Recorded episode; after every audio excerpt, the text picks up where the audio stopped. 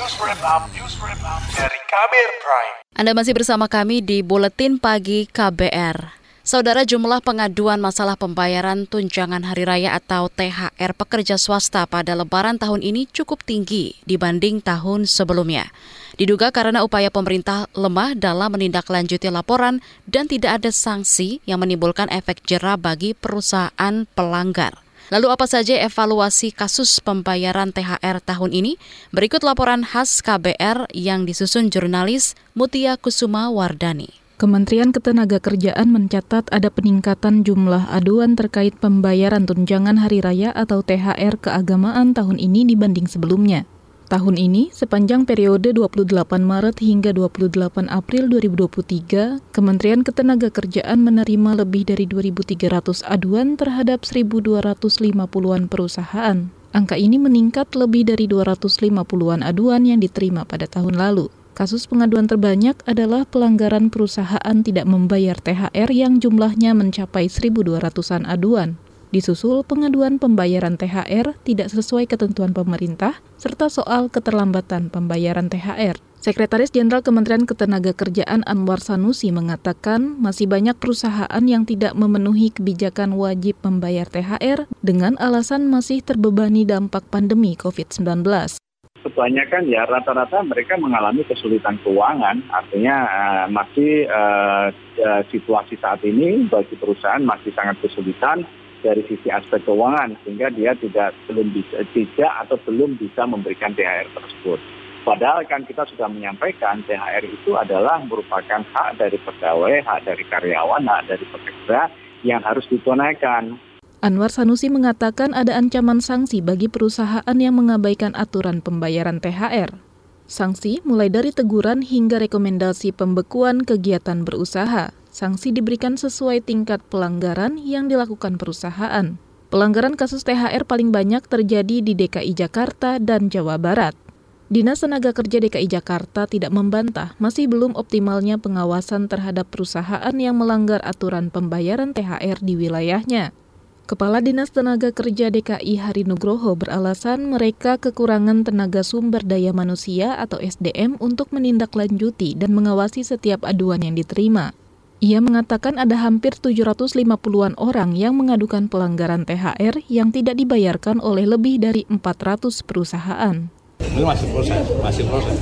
Tentunya kan kita lagi mediasi. Kepala Dinas Tenaga Kerja DKI Hari Nugroho mengatakan sudah meminta Badan Kepegawaian Daerah atau BKD DKI Jakarta untuk menambah personil yang menindaklanjuti aduan terkait THR. Tahapan tindak lanjut aduan THR dimulai dari mediasi atau pihak yang mengadu dengan pihak teradu atau perusahaan yang dilaporkan. Jika tidak membuahkan kesepakatan, maka pemerintah daerah akan melakukan pemeriksaan hingga penjatuhan sanksi berupa teguran dan sanksi lainnya. Asosiasi Pengusaha Indonesia atau APindo menyerahkan penyelesaian laporan kasus THR kepada pemerintah.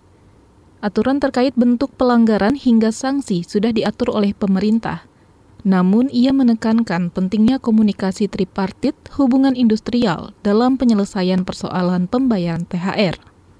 Namun kiranya juga kita e, perlu antisipasi kondisi-kondisi di lapangan karena mau nggak mau harus kita antisipasi pasca pandemi COVID. Dua, tiga tahun berjalan ini kan tidak semuanya perusahaan juga stabil gitu ya. Terutama perusahaan ataupun e, produksi yang orientasinya ekspor itu juga e, punya kendala khususnya di krisis ekonomi global. Seperti kalau kayak kita ikuti juga eh, antisipasi krisis dunia saat ini pun juga inflasi juga masih tinggi gitu ya. Salah satu ketua Pindo, Adi Mahfud, menambahkan, perusahaan dengan skala mikro dan kecil juga rawan tidak dapat membayarkan THR sesuai ketentuan.